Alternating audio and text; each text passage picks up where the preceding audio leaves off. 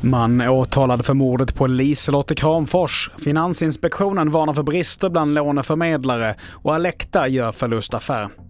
Det här är TV4-nyheterna som börjar med att finansminister Elisabeth Svantesson träffade idag företrädarna för matjättarna ICA, Coop och Axfood. Syftet med mötet var att pressa ner de skenande matpriserna samtidigt som priset på livsmedel i butik stigit kraftigt så plockar ledare i bolagen ut stora bonusar. Cheferna som var kallade försvarade prisökningarna med att deras leverantörer ökat sina priser. Jag kan bara konstatera att det är ju rätt provocerande och särskilt för väldigt många av de som nu kämpar att eh, vända på varje krona och knappt råd att köpa en matkasse till sin familj och att det också tas ut stora bonusar. Min uppmaning är ju i alla led nu att vi ska ta ett ansvar för att dämpa inflationen. Och här hörde du alltså finansminister Elisabeth Svantesson.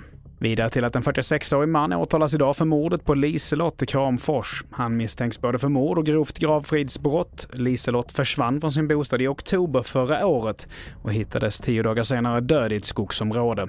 Den åtalade mannen förnekar mord men medger gravfridsbrott. Detta enligt åklagaren som också uppger att Liselott och den åtalade mannen ska ha haft en viss arbetsmässig relation som är ekonomi, det har blivit allt vanligare att använda sig av så kallade låneförmedlare i takt med att hushållens skuldsättning ökar.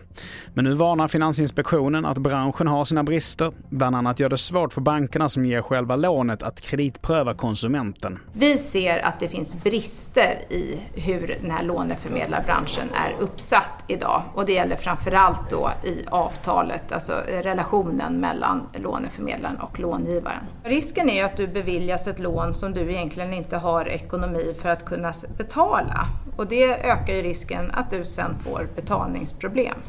Och i inslaget här så hörde du Susanna Gruffman som är biträdande generaldirektör för Finansinspektionen. Till sist, Sveriges största tjänstepensionsbolag Alecta säljer alla sina aktier i krisande First Republic Bank i USA. Det rapporterar Bloomberg. VD Magnus Billing säger att man gjorde en förlustaffär på 7,5 miljarder svenska kronor. Han säger också till T-bolaget att osäkerheten kring bankens framtid var för stor. Fler nyheter hittar du på tv4.se. Jag heter Mattias Nordgren.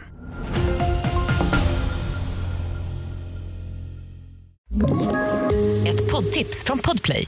I podden Något Kaiko garanterar östgötarna Brutti och jag, Davva, dig en stor dos skratt.